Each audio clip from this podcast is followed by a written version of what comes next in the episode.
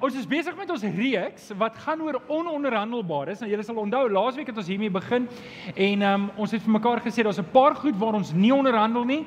En vanoggend kom ons by die tweede deel en ons gaan praat oor God is ons ewige Vader. En jy kan vra maar Johan, hoe is dit 'n ononderhandelbare? En ek wil hê jy moet net 'n oomblik vashou want ek wil net eers ons inleiding herhaal en dan gaan ek met julle praat oor God ons Vader en hoekom ons sê dit is 'n ononderhandelbare. Is julle by? Is julle wakker? Het julle julle penne reg of julle rekordknoppies gedruk? Um ons het die laaste paar weke het ons wel, die volgende paar weke gaan ons hier gesels en miskien kan ek net sê voordat ons verder gaan, dis vir my verskriklik belangrik.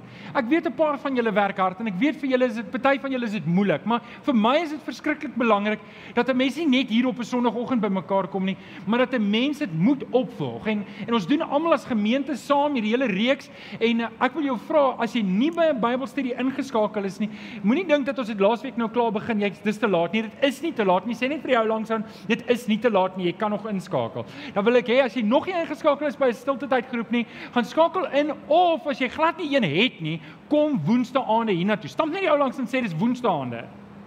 OK. Alraai. So, dis ons reeks 10 ononderhandelbares en waar hierdie reeks basies gaan en julle ons is baie bevoordeel. Ons is baie bevoordeel en ek sê ons, dan praat ons almal wat Afrikaans praat. Almal wat Afrikaans praat natuurlik, waar is die Engelse mense onder ons? Is hier vanoggend Engelse mense ook? Julle is nog meer bevoordeel want julle het die King James version gehad lank voor ons die Afrikaanse ou vertaling gehad het. So maar wat ek net wil sê is julle in Suid-Afrika was ons bevoordeel die laaste 100 jaar het die kerk seker gemaak dat almal wat um Afrikaans praat moes iewers die evangelie hoor. Julle onthou dit. Nou die van julle wat ouer was, julle sal onthou, julle het op skool Bybelkunde gehad. Jy moes dit dit was 'n verpligte vak. Um jy moes dit eintlik deurkom en en jy, dit het getel vir jou gemiddeld tot hier in standaard 7. Onthou julle nog daai dae en jy het sonnaskool toe gegaan, jy het eksamen geskryf, jy het die Heidelbergse katekismes gedoen. En julle onthou nog al daai goeters en en so het ons voorvaders het seker gemaak ons is ingewortel in die woord van die Here op een of ander manier. Of weet, kritiseer dit nou of praat goed daarvan maak nie saak nie, maar almal van ons het geweet wie's Dawid en Goliat. Almal van ons geweet wat die 10 gebooie is en almal van ons het geweet as 'n ou in die Nuwe Testament sê die basics het jy onder die knie gehad. Nou dit gesê, die laaste 20 jaar het dinge eintlik begin agteruit gaan. In die laaste 20 jaar het die het het het, het die Afrikaner kerk in die kweekskole het dit begin dat hulle stukkie stukkie het hulle die waarhede afgetakel en hulle het oor tyd dit so liberaal gemaak dat eintlik vandag is die Afrikaanse kerk in Hebreë diep in die moeilikheid want hulle weet nie meer wat hulle glo nie. Hulle het so ver van die woord van die Here afbeweeg dat daar eintlik min oor is van die oorspronklike goed. Dit wat hulle in 100 jaar probeer opbou het, het hulle in amper in die laaste 20 jaar heeltemal afgebreek. En die probleem daarmee en, en dit lees ons wat Paulus sê vir Timoteus in 1 Timoteus 1 vers 19, wat hy vir hom sê, hou vas en ons het laasweek vir mekaar gesê aan die geloof. So dit is nie aan jou geloof nie, dis aan die geloof, selfstandige naamwoord wat beteken die inhoud, die lering wat ons kry van die Here in die woord van die Here. So hou vas aan die geloof en behou 'n goeie gewete en dan sê hy verder omdat sommige hulle gewete onderdruk het, omdat sommige doelbewus wegbeweeg het van die geloof, van die geloof waarhede van die van die woord van die Here, het daar 'n verskriklike ding gebeur, het hulle geloof skibreek gelei. En ek bedoel almal van ons wat hier sit, almal van ons het 'n storie om te vertel van iemand wat jy ken wat lief was vir die Here, wat heeltemal weggeraak het van die Here, wat heeltemal ophou gaan net na die gemeenskap van die gelowiges toe en half en half heeltemal 'n sekulêre heidense lewe leef. En as jy hom by 'n Vrydag aand braai vra, maar glo jy nog in die Here, sal hulle sê ja, ek glo. En iets sal iets sê soos ja, maar ek glo maar soos ek wil. Of ek glo maar soos ek dink. Of ek glo maar soos en en jy kan nie so lewe nie nie. Om die waarheid te sê, as ek aanhou om my geloof af te takel en stukkie vir stukkie oor tyd, dan dan die uiteinde daarvan, die uiteinde daarvan is dat ek my lewenskarretjie gaan rol. Stem julle saam? Ek gaan skielik is dit nie meer nodig om getrou te wees aan my man of aan my vrou nie. Skielik is dit nie meer nodig om getrou te wees aan my finansies nie. Skielik is dit nie meer getrou, uh, is dit nie meer nodig om 'n hoë morele standaard te. Dis nie meer nodig nie, want want die woord van die Here is nie met my finale gesag nie. En dis wanneer ek my lewenskarretjie rol wanneer goed drasties vinnig stikkend in my lewe gaan. Nou dit gesê, Dis hoekom ons die 10 onder ononderhandelbares doen. En uh, vanoggend werk my klikker nou nie so heerlik nie. Hosea 4 vers 6 het ons laasweek ook nou gekyk en ek wil dit net weer kyk en ek lees dit uit die ou vertaling en in die nuwe vertaling. Want ek dink al twee verse is waar in al twee vertalings. Die nuwe vertaling sê: "My volk gaan onder omdat hulle nie aan my toegewy is nie, omdat hulle nie my toegewy is nie." En daai woord toewyding is iets wat ek doen. Ek wy myself toe aan die werk van die Here. Ek wy myself toe aan die woord van die Here. Ek wy myself toe aan dit wat ek geleer het in die woord van die Here. Maar die ou vertaling daarby saam sê die volgende woord en dit is: "My volk gaan ten gronde as gevolg van 'n gebrek aan Julle onthou werk dit as ek opper moet julle die volgende woord sê. So kom ons sê dit net gou weer. My volk gaan ten gronde aan 'n gebrek aan kennis. So met ander woorde, kennis van wat? Kennis van die woord van die Here. En dis wat belangrik is. En dit is hoekom ons die 10 ononderhandelbares doen in ons gemeente, want ek wil hê julle moet weet wat ons behoort te glo, wat ons fondasie is waarop ons ons voete neersit. En as ons ons voete daarop kan neersit en ons weet dis wat Jesus sê, die wyse man bou sy huis op die rots. Hy bou sy huis op die woord van die Here. Die dwaase man bou dit in die sand en op hierdie oomblik sien ons meer en meer mense wat hulle huis bou in die sand. Dis 'n mooi huis, maar hy kraakstukkend nog gaan niks van hom oorbly nie. En dis hoekom dit nodig is dat ek en jy moet ons geloof bou op die rots, op die woord van die Here. Stamp net gou die ou langs aan sê bou op die rots. Bou op die rots, bou op die woord. Nou met dit gesê, kom ons staan op. Staan op, staan op. En hou jou Bybel lekker hoog in die lug. En dan sê jy lekker hard saam met my, dit is my Bybel. Ek is wat dit sê ek is. Ek het wat dit sê ek het. Ek kan doen wat dit sê ek kan doen. Met my mond bely ek met my hart glo ek dat Jesus die Here is. Amen. Amen. Jy kan jou Bybel oopmaak by Matteus 6. Matteus 6 en ons gaan 'n paar verse lees vanaf vers 9. Matteus 6 En uh, terwyl jy blaai, wil ek sommer net vir almal aanlyn ook sê hallo en baie welkom. Dis baie lekker om in jou huis te wees. En uh, nou praat ek sommer met julle ook indien jy nog nie gesubscribe het nie. Onthou met die YouTube kanaal te gaan subscribe. Maar vir julle wat by die huis is en op hierdie oomblik aanlyn kyk, wil ek 'n groot guns vra. Deur om op die like knoppie te druk, sê jy vir YouTube se algoritme, hier is belangrike inligting. Dis 'n maklike manier om die woord uit te kry. Jy kan net daar waar jy sit, kan jy druk op die like knoppie en sommer vir julle ook as jy jou selfoon sou wou uithaal, jy hoef nie, maar um, jy druk op like. Dis 'n baie maklike manier. Besef julle, ons bedien elke week. Weet julle, Sondag se preek was oor die 1000 keer gekyk laas Sondag keer se preek. En ek bedoel, jy weet Kenneth se preek, waar's Kenneth? Waar's Kenneth se preek? Ag Kenneth, Kenneth se preek. Kenneth. Kenneth se preek is ook oor 1000 keer gekyk, al daai 1100 keer. So wat ek net vir julle probeer sê is is julle sien hier die kerk is vol, né? Nee? Ons bedien nog meer mense aanlyn. En dit is wonderlik om te dink dat die Here dit vir ons oopgemaak het. So vir julle aanlyn, baie welkom. Geef hulle 'n lekker hande klap toe. Baie welkom. OK. Ek wil met julle praat oor God ons Vader En ek het nou-nou vir julle gesê gaan vir julle nou sê hoekom is dit 'n ononderhandelbare. Onthou julle ek het nou-nou gesê, wel nou gaan ek vir julle sê hoekom. Ek wil vinnig na drie verse kyk hoekom hierdie 'n ononderhandelbare is. Nou ons het laasweek gepraat oor die drie eenheid. Julle onthou dit. Ek wil hê jy moet tog daai boodskap gaan kyk as jy dit gemis het. Maar ek, ek wil net stil staan. Ons gaan vandag stil staan op die Vader. Ons gaan spesifiek stil staan op die Vader en en in Johannes 14 vers 9 praat Jesus en hy praat met Filippus en hy praat met Thomas en hulle het hierdie hele gesprek met oor wie is die Vader werklik? Oor wie is die Vader werklik? En op 'n stadium is dit Thomas wat vra, Here, maar wys ons die Vader of was Filippus? Ek kan nie onthou nie, maar Jesus antwoord in Johannes 14 vers 9 en hy sê, "Wie my sien, sien die Vader. Wie my sien, sien die Vader." Nou, as ek dit net 'n paar verse verder lees in hoofstuk 17 vers 3, lees ons Jesus sê hierdie woorde en dit is die ewige lewe. Lees hom saam met my. 1 2 3. Dit is die ewige Nee, julle moet saam lees asseblief. 1 2 3.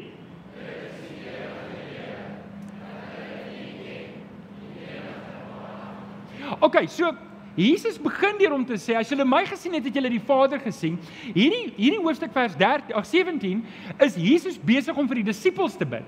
En in sy gebed praat hy met die Vader en hy sê: "Here, as hulle U ken, Vader, as hulle U ken, het hulle die ewige lewe." Dis hoekom dit belangrik is dat ek en jy die Vader moet ken want as jy nie die Vader ken nie, het jy nie die ewige lewe nie. Nou volgende week gaan ons praat oor Jesus en ek wil net hierdie vers aanhaal en gaan volgende week meer daaroor praat wat Jesus gesê het. Daardie dag sal julle vir my sê, Here, Here. Maar ek sal vir julle sê, gaan weg want ek het julle nie ge So hier's twee kante.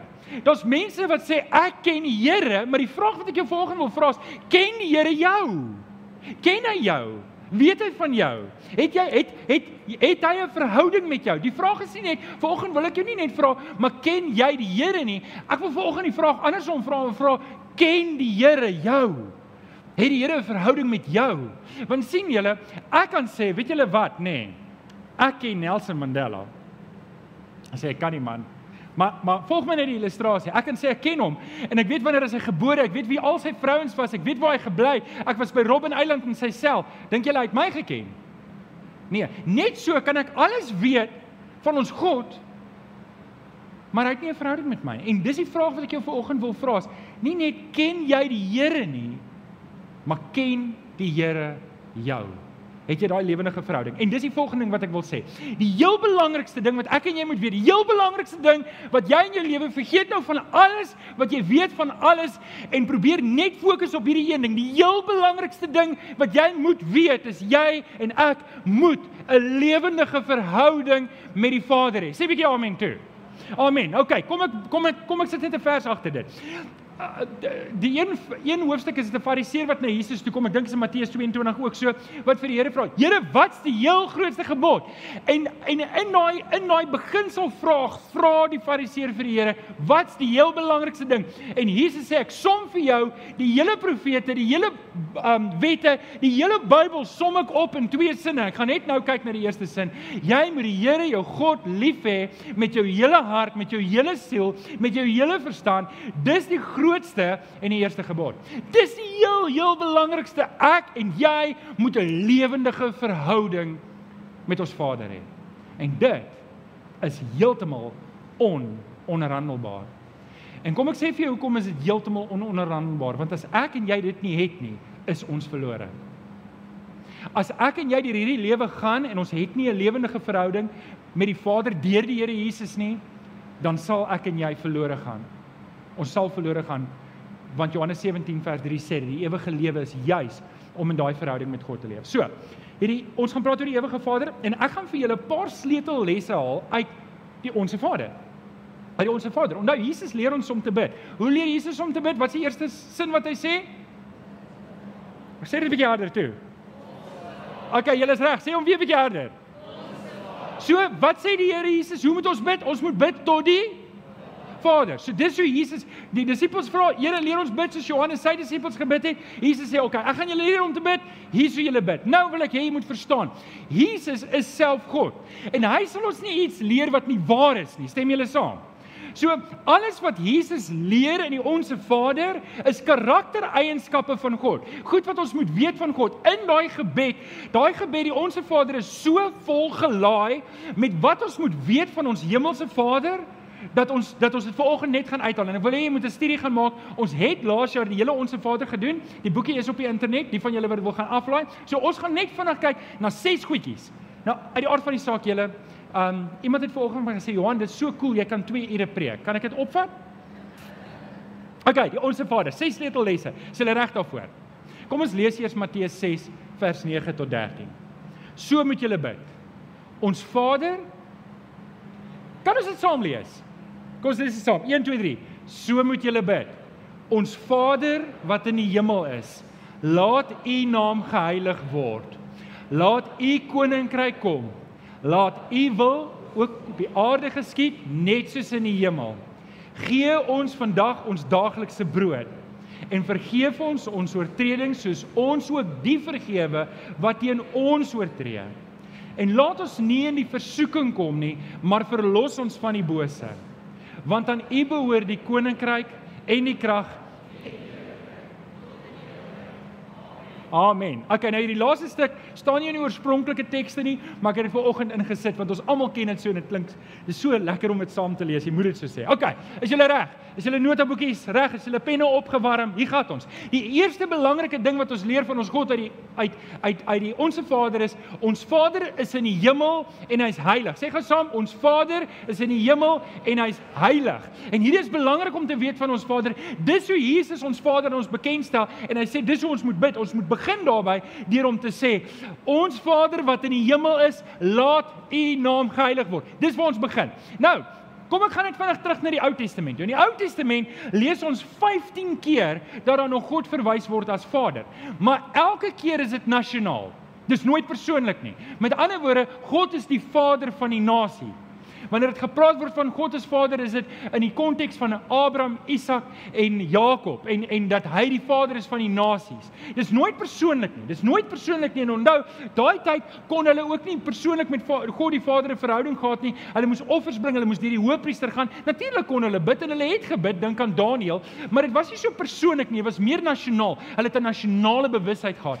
In die Nuwe Testament lees ons 165 keer dat daar verwys word na God as Vader en dit is al altyd binne in 'n verhouding, binne in 'n gebed en is persoonlik. Nou, ek wil net gou-gou hê julle moet dit sien. Daar's 39 boeke in die Ou Testament, net 27 in die Nuwe Testament. Kan julle sien proporsioneel word God as Vader baie ehm um, oopgemaak en vir ons gewys in die Nuwe Testament teenoor die Ou Testament wat nasionaal is. So wat ek wil net vir jou probeer sê is is Jesus het hom kom bekend maak. Jesus het God kom bekend maak as ons Vader en jy mag God aanspreek as Vader. Jy kan God ken as Vader. En dis wat dis wat Jesus sê, wie my gesien het, sien die Vader. Dis hoe ons die Vader beter leer ken is deur hom deur Jesus beter verhouding met hom te hê. Nou ons praat volgende week oor Jesus. Nou ons weet weet Romeine praat, Paulus praat van God as Dit staan op die bord. Abba, né? Nee? Ons spreek God as Abba. Nou kom ek sê net vir julle wat Abba is. Wat spreek jy jou pa aan? Pinaar, wat spreek jy jou pa aan? As? Spreek jy hom aan as pappa? Okay. Um Benjamin. Pa, jy spreek hom as pa. Um Oom Barry, het oom pa. Okay, so as dit wat jy jou aardse pa sou aanspreek, is wat Abba eintlik beteken. Abba is die nie nie verkleining nie, uh, nie vertroeteling nie, maar die persoonlikheid van jou Vader om te sê Abba beteken wat ook al jy op persoonlik as jou Vader beleef. Nou ek uit respek uit noem ek God Vader. Ek bid altyd na hom as Vader. Ek het my pa altyd pa genoem. Ek het nog nooit God pa genoem nie. Ek noem hom nog altyd Vader as hy daar respek uit. Maar ek wil net vir julle wys in die Joodse konteks as jy die woord Abba oorvat en dis wat Romeine 8 sê, die Heilige Gees in jou hart roep uit Abba. Nou onthou Paulus was 'n Jood, so hy gebruik die woord Abba, maar sy Afrikaans was dan sou hy gesê pa of as jy sou sê pappa of wat ook al dit is wat jy sê. Nou oké, okay, ek sê dit met 'n spesifieke rede want Jesus wil hê, Jesus wil hê jy moet God aanspreek as Vader. Jesus wil dit hê. Hy wil hy hy maak God die Vader so bekend aan my en jou dat ek en jy moet verstaan. Een van die beste, een van die beste voorbeelde van enige verhouding wat daar kan wees, is tussen 'n ouer en 'n kind. Amen bedoel daai afhanklikheid wat 'n kind het. Daai daai daai liefdevolle verhouding. En dit is vir my altyd lekker as ek pa en seun so sien langs mekaar sien en ma en dogters langs mekaar sien. Dit is my lekker om te sien hoe die gesinne saam sit. Dit is wonderlik. Ek wil net gesien as jy langs jou gesin sit, seker gou op jou hand. As jou gesin langs jou sit. Seker gou op die hand. Ek wil net sien waar sit die gesinne. Nee, julle moet hoog opsteek, moenie skaam wees nie. Okay, ja, kyk net om julle. Kyk net hou op, hou op, hou op. Okay, so sien julle, nê? Nee? Okay, die res van julle sê, "Ja, jy het die sonnaskool uitgevat. Alles het ek my hand opgehad." Okay, ek het dit, ek het dit. Maar julle kry die idee. So ons is 'n gesinskerk En God wil hê ek en jy moet verstaan ons is deel van sy gesin. Nou, ek kan nie meer in die karakter van God ingaan nou nie, maar daar is 'n boekie, hy's aanlyn beskikbaar en jy kan hom gaan aflaai, die karakter van God. En dit kan jy doen in jou gesin en jou persoonlike stilte tyd, die karakter van God wat ek dink is 'n baie goeie studie om die verskillende karaktereienskappe van God te kyk sodat jy kan weet wie jou God en wie jou Vader is. Maar dit gesê as ek net een vers kan uithaal en ek wil terugkom na die heiligheid. Deuteronomium 4 vers 24 sê God vir sy volk Die Here jou God is 'n verterende vuur. Hy eis onverdeelde trou aan hom. En miskien voordat ons van hierdie punt af beweeg, wil ek dalk net dit sê. Ek wil hê moet dit mooi hoor. Ons Vader duld nie 'n wishy-washy geloof nie. Ons sê dit gereeld vir mekaar en ek wil hê ons moet dit net ernstig opvat. Die Here vra nie baie nie, hy vra Hy vra alles. Hy soek jou alles. Hy eis onverdeelde trou. Hy wil hê, dis hoekom ons praat van ononderhandelbaar is. En ek dink dis deel van wat die laaste 20 jaar verkeerd geloop het. Hoorie man, dien jy net die Here soos jy wil. Dien net die Here soos jy wil. Dien net die Here soos jy wil. Weet julle wat het daai teologie gedoen? Daai teologie het gemaak dat daar baie mense op die daardie dag gaan sê, Here, Here en die Here gaan sê, gaan weg van my want ek het julle nooit geken nie. En die hele ding van, weet jy wat, ag man, kom net soos jy is en moenie worry oor jou sonde nie en weet gaan net aan en en weet dien net die Here op jou terme. En julle daai goed is nonsens. Sê gou hard saam met my nonsens. dis nonsens. Hierdie vers maak dit baie druk. En dis nie ek nie, dis die Bybel wat dit sê. Die Here jou God is 'n verterende vuur. Hy hy eis onverdeelde trou aan hom. So kom ons bely dit net saam. Ons Vader is heilig. 1 2 3. Ons Vader is heilig. Daar's geen onderhandeling daar rondom nie. OK, nommer 2. Ons Vader is 'n koning. Sê jy by? Ons Vader is koning. Ek net gou 'n regstelling maak. Hy's nie 'n koning nie. Hy is die koning. Nou uh Matteus 6:10 leer Jesus om ons leer Jesus ons om te bid, laat u koninkryk kom. Laat u koninkryk kom. Jesus leer ons om so te bid. Hy leer ons om te sê ons God is ook 'n koning. Ons Vader is ook 'n koning. Nou dis belangrik om te verstaan, dis belangrik om te verstaan dat wanneer Jesus met ons praat, gebruik hy bekende, hy gebruik bekende beelde om onbekende konsepte vir ons te deel. Want onthou, ek en jy is nog nie in die hemel nie. Ons verstaan nog nie die hemelse dinge nie. Ons verstaan nog nie die hemelse dinge nie. So wanneer Jesus met ons kom praat, kom leef hy op die aarde en hy verduidelik goed in terme terminologie wat ons kan verstaan. Nou, wie van julle volg die hele Rusland-Oekraïniese ding? Daarom een hand, twee hande, drie hande. Die ouens wat op die aandele is, sal dit moet dop hou want dit raak julle, nê. Nee. okay, ek gaan nou ietsie sê oor Rusland en Oekraïne. Sit net gou 'n 'n boekmerk in daai ding. So wat ons moet verstaan van ons God is hy's die koning oor die heelal. Nou, hy's meer as net die koning, hy's die eienaar. Sê net gou eienaar. God is die eienaar van die heelal. Hy's die eienaar van die heelal. Nou, daar's 'n woord wat opkom wat ons nie baie gebruik nie, wat tog in 'n geopolitiese terme gebruik word en dis die woord soewerein. Nou die woord soewerein word in geopolitiese terme gebruik. Ek kan ook fancy woorde gebruik, nê? Geopolitiese terme beteken Amerika is soewerein. Niemand mag oor hulle baas speel nie. En nou die hele spanning tussen Oekraïne en Rusland is eintlik 'n geopolitiese dilemma, want nou wat gebeur is as Putin sê ons gaan Oekraïne vat, dan val al die aandelemarkte en die olie raak meer duurder of minder. Niemand weet wat gaan gebeur nie. En en en die Europese bloklande, ek gee hulle nou 'n bietjie sommer net interessantheid. Ek weet nie of ek dit reg sê nie, maar ek wil 'n ander punt maak die punt wat ek wil maak is net is dat Oekraïne is soewerein. Dit beteken hulle moet hulle eie sê oor hulle eie land, oor hulle eie mense. Niemand mag inmeng nie. En dis eintlik so ironies want hulle is nie soewerein nie want Putin sê net ek gaan julle vat en dan skrik almal. Nee, jy mag nie, jy mag nie. En ek wil net vir jou sê dat ons God is werklik soewerein. Daar kan nie soos Oekraïne kom, iemand anders kom en sê maar ek gaan jou soewereiniteit wegvat en dan sê jy, "O, oh, dis 'n moeilikheid." Nee, God is soewerein en wat die werklike soewereiniteit van God beteken is as God iets sê, gebeur dit. As God sê laat daar lig wees, dan sal lig. As God sê laat die water in die aarde skei, dan skei dit. Amen. So wanneer ek en jy bid en sê God is ons koning, dan bely ek en jy daarmee dat ek verstaan hierdie heelal behoort aan God. Ek verstaan ek behoort aan God. My kind behoort aan God. My huwelik behoort aan God. My finansies behoort aan God. Sê net ek behoort aan God. En ek is bly daaroor. Maar ek sê dit asof jy bly is. Okay, so God is soewerein. Okay, so en wat ek en jy ook moet verstaan is ek en jy is deel van hierdie koninkryk. So as ons sê ons God is 'n koning, dan dan moet jy die volgende vers baie ernstig opneem want in Romeine 8 vers 17 sê dit omdat ons kinders is, is ons ook erfgename. Sê net gou weer erfgename. Ons is erfgename van God, erfgename saam met Christus. Aangesien ons deel het aan sy lyding, sal ons ook deel hê aan sy heerlikheid. Ek en jy het deel aan die koninkryk van God. Kan ek 'n haleluja hoor? Prys die Here. So kom ons bely dit saam. Ons Vader is die koning. 1 2 3. Ons is die koning. OK. Nommer volgende.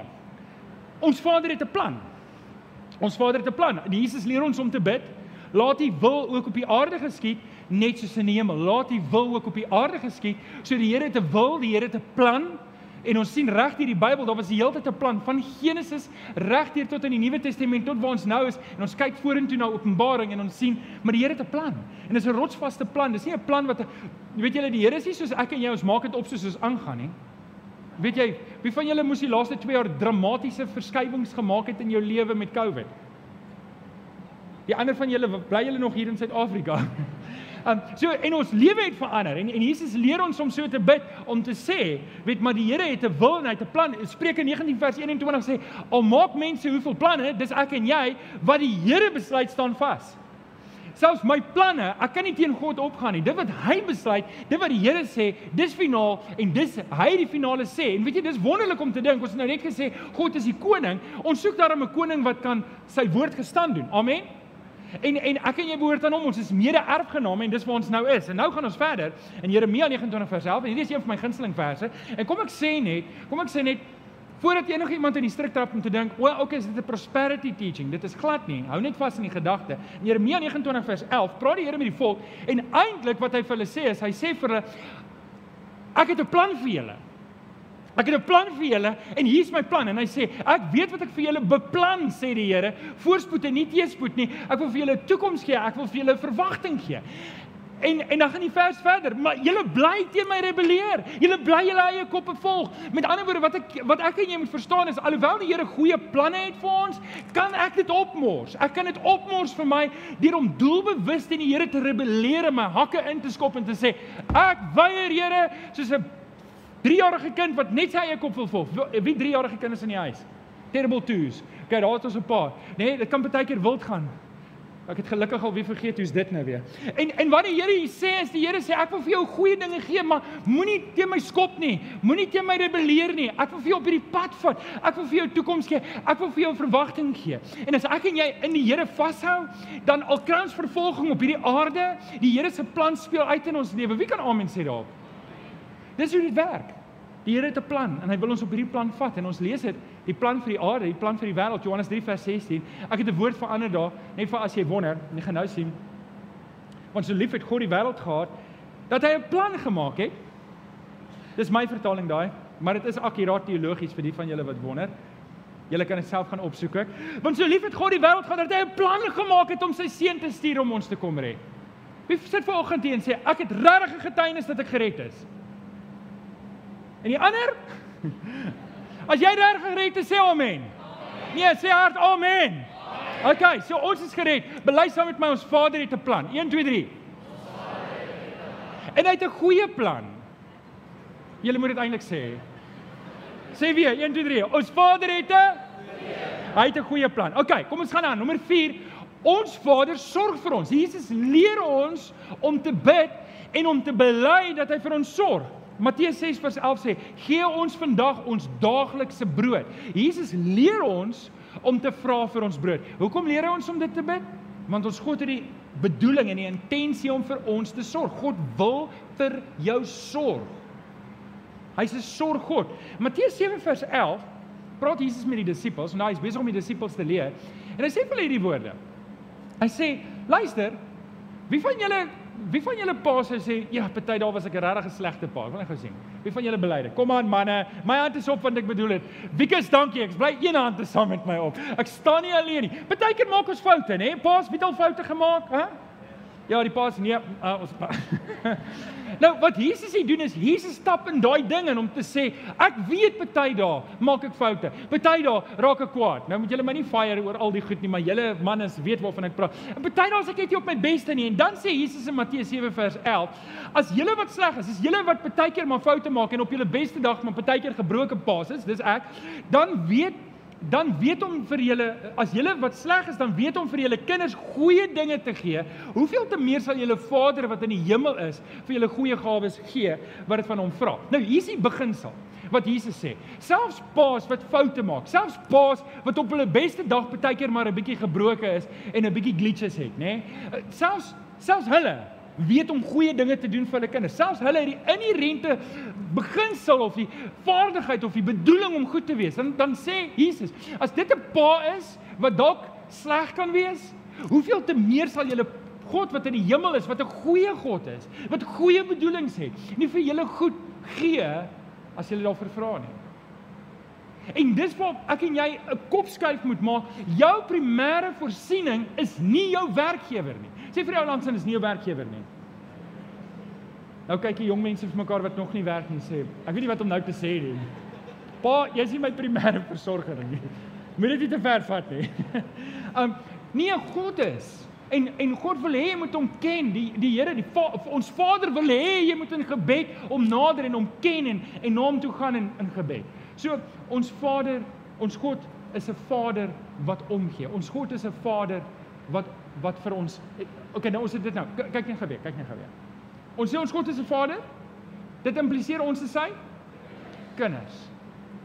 Bedoel julle goed vir julle kinders? Ek het nou gehoop julle gaan 'n bietjie harder ja sê. Bedoel julle goed vir julle kinders? Ja. Nou, vertrou jou God. Vertrou jou Vader dat hy ook goeie bedoeling het vir jou. Hy sorg vir sy kinders. So kom ons bely dit saam. Hy's 'n goeie Vader. 1 2 3. Hy is 'n goeie Vader. Hy's 'n goeie Vader. OK.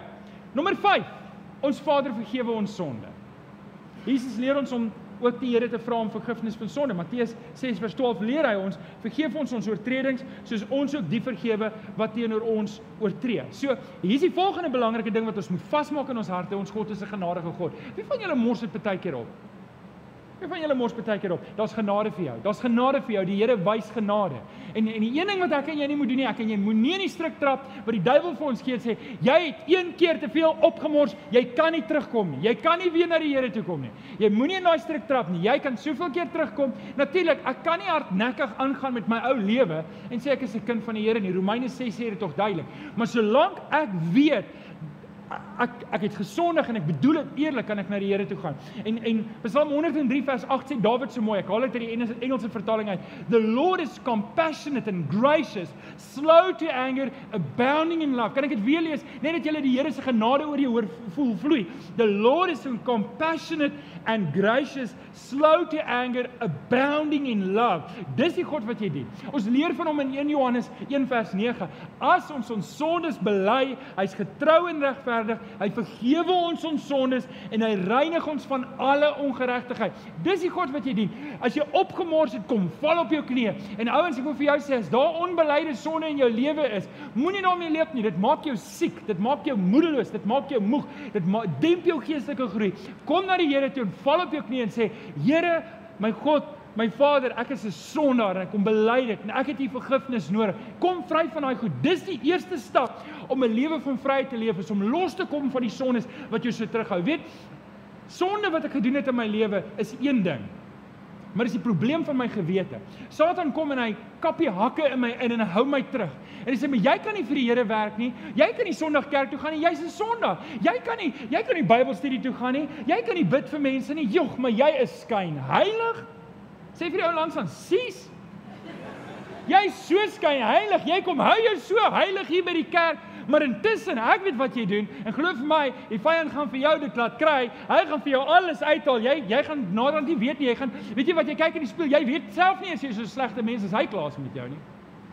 Maar die Here wil hê jy moet na hom toe kom en op jou knieë val en kom vry. Ek wil vir jou vra en ek weet nie dalk praat ek vanoggend met jou. As daar sonde in jou lewe is wat jou terughou, kom na die Here toe. Daar's verlossing in die Here. Jesus Christus het aan die kruis gesterf juis sodat die Vader ons vergewe dat ek en jy voor die Vader kan kom kniel en kan kom jammer sê. Dis die een helfte van hierdie punt. Is jy reg vir die volgende helfte? As 'n maar. En ons 'n groot maar. OK, uit wat ek nou vir julle gesê het, kry julle die idee dat ons God gewillig is om ons sondes te vergewe. OK, nou is julle reg vir die tweede punt. Matteus 6 vers 15 sê Jesus ook: As julle ander nie vergewe nie, sal julle Vader julle ook nie vergewe nie. Dis interessant dat Jesus dit sê.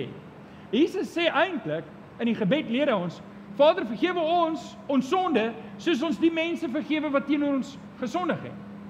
En hier is die ding en hier is die harde woord. Dis julle reg. Ek hou nie daarvan om seker harde goed hier te sê nie, maar ek moet dit sê waar anders gaan ek dit sê. Hier is die harde woord. As jy loop en jy is besluit ek gaan nie vergewe nie. As jy besluit maar ek is nog kwaad oor hierdie ding en ek het besluit ek gaan nie vergewe nie en ek hou 'n verhouding stikken van my kant af. Weet julle wat sê daai vers? Jy staan dan buite God se vergifnis. Wanneer ek kies om kwaad te bly en ek kies om nie te vergewe nie, dan sê Jesus trek God sy genade terug van jou en staan jy buite sy vergifnis. Hoekom hoekom sou Jesus so iets sê? Want hier is die ding. Jesus is nie meer hier om te preek nie. Jesus preek die woord deur my en deur jou. Besef jy dit? En wanneer ek en jy vergewe, al het iemand al het iemand regtig teenoor ons oortree, ons regtig seer gemaak en ek vergewe, weet julle wat doen ek? Ek wys God se genade. Maar wanneer ek kies om nie te vergewe nie en ek kies om kwaad te bly en ek kies om wrokke te hou in my lewe, wat doen ek? Ek wys die teenoorgestelde. Ek wys nie God se genade nie. So hierdie is 'n ding wat ek en jy vir onsself moet vra vanoggend. Ja, kom ons vra, wat se sonde is daar onbely? Gaan bely dit voor die Here, maar kom ek vra die ander vraag, op watter plek loop jy met wrokke teenoor mense? En jy het besluit, ek gaan hierdie verhouding stikkend hou omdat ek so seer gemaak word of so kwaad is en ek kies om nie te vergewe nie. Wat het ek iets om voor die Here te bely? Het ek nodig om te gaan regmaak? Want hierdie is belangrik, ek kan dit nie so los nie. So kom ons bely dit. 1 2 3. Ons Vader is genadig. Hy verwag genade. Okay, laaste Here. Laaste, julle het gedog ons gaan nooit klaar kry nie, maar hier is ons nou. Nommer 6. Ons Vader gee ons oorwinning. Hy gee ons oorwinning. Uh, ons lees, ons lees in Matteus 6:13, laat ons nie in die versoeking kom nie, maar verlos ons van die bose. Nou, nou die res van die vers sê ook verder wat nou nie in ons oorspronklike teks staan nie, want aan U behoort die krag en die heerlikheid tot aan alle ewigheid. En nou hier is die belangrike ding wat ek en jy moet vashou. My en jou oorwinning lê nie in ons eie krag nie. My en jou oorwinning in hierdie lewe lê nie in my en jou vermoë om nee te sê vir die duiwel of ja te sê vir die regte goed nie. Om die waarheid te sê, hierdie vlees sal my aanhou terugbring. As ek sonder die Here lewe, sal ek altyd terugploeter in die sonde in, soos 'n vark terugkeer na die modder toe. Dis my dis my geneigtheid. Daarom moet ek so naby aan die Vader bly sodat ek sy krag kan beleef. Nou Efesiërs 1:19. En en hier hierby wil ek 'n belangrike ding vasmaak en ek wil net gou hê kom ons pos net gou. Haal gou-gou diep asem. Jy kan jou masker so 'n bietjie wegtrek en Okay, want ek wil hê jy moet nou konsentreer want ek kom nou by die hoogtepunt en ken of jy kan so lank vorentoe kom. Hier hier is die belangrike punt. Paulus begin hier om te sê, mag jy besef hoe geweldig groot die krag is wat hy uitoefen in ons wat glo. Glo julle? Glo julle? Is hier enigiemand wat glo vanoggend? OK, wonderlik. Dis dieselfde kragtige werking van sy mag wat hy uitgeoefen het toe hy Jesus Christus sy seun uit die dood uit opgewek het. Nou kom ek breek gou die vers op. Voordat ek dit doen, wil ek net eers sê die Griekse woord daar, julle weet dit, Griekse woord krag daar is dynamos. Sê gou dynamos. Dynamos. Nou dynamos is dieselfde woord wat ons nou gebruik het van die Grieks af vir dynamiet wat sê dis dis krag. OK. Nou kyk gou saam met my, ek het 'n paar woorde hier ge-highlight. Mag jy besef hoe geweldig groot, sê net gou geweldig groot. Sy krag is, dis die dynamos wat hy uitoefen in ons wat glo. So hierdie vers sê basies as ons net terug staan, God oefen geweldige groot krag in my en jou lewe uit. Nou gaan hy definieer hoe groot is daai krag. Hy gaan verder. Hy sê dis dieselfde, sê gou dieselfde. Dis dieselfde kragtige werking van sy mag wat hy uitgeoefen het toe hy Christus uit die dood uit opgewek het. Nou kom ek staan terug en ek sê dit vir julle in eenvoudige sin. Wat Paulus sê is God die Vader het 'n kragtige uitwerking gehad om Jesus uit die dood uit op te wek. Amen. Dis dieselfde krag wat in jou werk. Sê 'n bietjie prys die Here. Dis dieselfde krag. Daarom kan ons nie, vergewe my Engels, daarom kan ons nie lousy Christendom uitleef nie. Ons kan nie, ek het 'n mooi foto hierso. Nee, wag net verby. Ons kan nie, weet julle wat is dit? Hy moet eers terugkom, hy was te vinnig. Dis hy, weet julle wat's dit? Dis 'n Makou. Ek weet nie of Makou regtig flou is nie, maar flou ry met Makou. Maar ek en jy kan nie 'n flou Makou geloof hê nie. Sê flou Makou. Ek wil jou vra, jy vanoggend 'n flou Makou geloof? Dan moet jy opstaan en vir die Here sê Here Ek is klaar met 'n flou makou geloof want dieselfde kragtige uitwerking wat u gehad het in Jesus Christus toe hy hom uit die dood uit opgewek het, is dieselfde krag wat in my werk. En kom ek sê vir jou wat doen hierdie krag? Dis groot krag. Dis geweldige krag. Dis dinamos krag. Dis 'n krag wat ek en jy nog nooit gesien het nie. Wie van julle was al teenwoordig toe iemand uit die dood uit opgewek is? Wie van julle was al teenwoordig? Niemand nie. Want dan is julle in goeie geselskap. Kom ek vertel vir julle hoe lyk daai krag. Dit is die krag wat Jesus mee mense gesond gemaak het. Glo julle dat die Here ons roep om vir siek mense te bid? Ek glo dit. Dis dieselfde krag wat God die Vader gebruik deur die Heilige Gees om mense se lewens te verander. Dis dieselfde krag wat die Here vir my en vir jou gee om oorwinning te kry oor sonde. Ek en jy mag nie meer voortploeter in sonde nie. Dis dieselfde krag wat ek en jy kry om oorwinning te kry oor ons versoekings. Dis dieselfde krag wat ek en jy kry om op te staan in tye van beproewing wat goed regtig skeef en stikkend en seer en lelik is om te sê Here ek rus in u genade. Vriende, ek en jy mag nie Ons mag nie 'n flou makou geloof hê nie. Ons mag nie. Hier is ons Vader wat so ongelooflik lief is vir ons. En hy roep ons om heilig te wees soos wat hy heilig is. Ons kan nie, ons kan nie wat hierdie wêreld doen aanhou wegbreek in ons geloof en 'n bietjie as sê weet jy wat oukei okay, as jy dis okay, ons mag nie. Die Here roep ons vir 'n hoër Christelike stand in hom. Amen. Ek wil vir jou bid.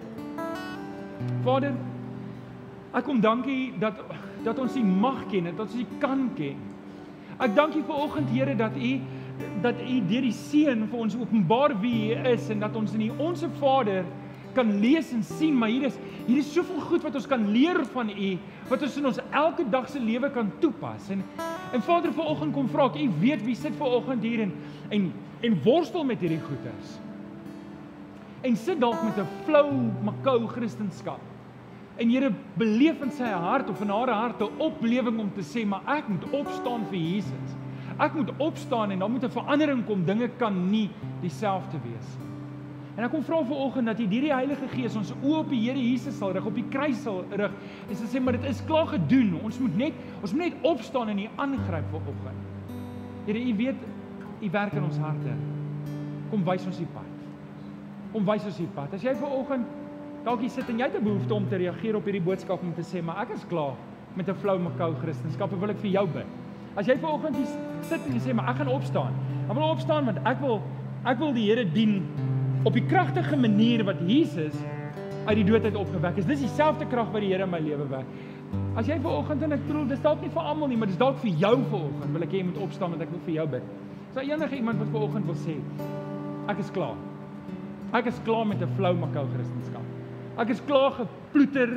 Ek is klaar met met die ou manier van doen. Dankie vir julle wat opstaan want ek bid vir julle en ek kyk vir julle en ek is ernstig oor julle. Want weet julle wat, dis waar herlewing begin. Dis waar herlewing begin wanneer ek sê ek is klaar met die ou lewe. Ek wil nie net hê ek moet die Here ken nie, maar ek wil hê die Here moet my ook ken. Ek wil daai dag voor die Here staan en sê, "Kom in, my getroue diensknegt." Is daar nog iemand wat wou staan wat sê ek het nodig dat jy vir my bid vanoggend? Nog iemand? Daar's nog iemand, dankie. OK. Ek wil hê jy moet hierdie gebed bid in jou hart. Bid saam met my in jou hart. Vader, ek kom gee alles oor aan U. Vader, ek is klaar met 'n flou Christendom dit wat Jesus aan die kruis kom doen het en dit wat die Heilige Gees in my hart kom doen het. Dit maak dat ek vanoggend kan opstaan en kan sê ek wil herlewing hê. Ek wil weer voluit leef vir U. Here, ek dankie vir elkeen wat vanoggend staan. Ek weet daar's dalk 'n paar in hulle harte wat bou staan en net nie kansse sien het nie. Ek wil vra Here, kom ontmoet elkeen van ons vanoggend dat ons daardie volgende tree sal tree om werklik, werklik 'n diep, sinvolle verhouding met U te hê, Vader, deur ons Here Jesus. Ons bid dit in Jesus naam. En die kinders van die Here sê: Amen. Kom ons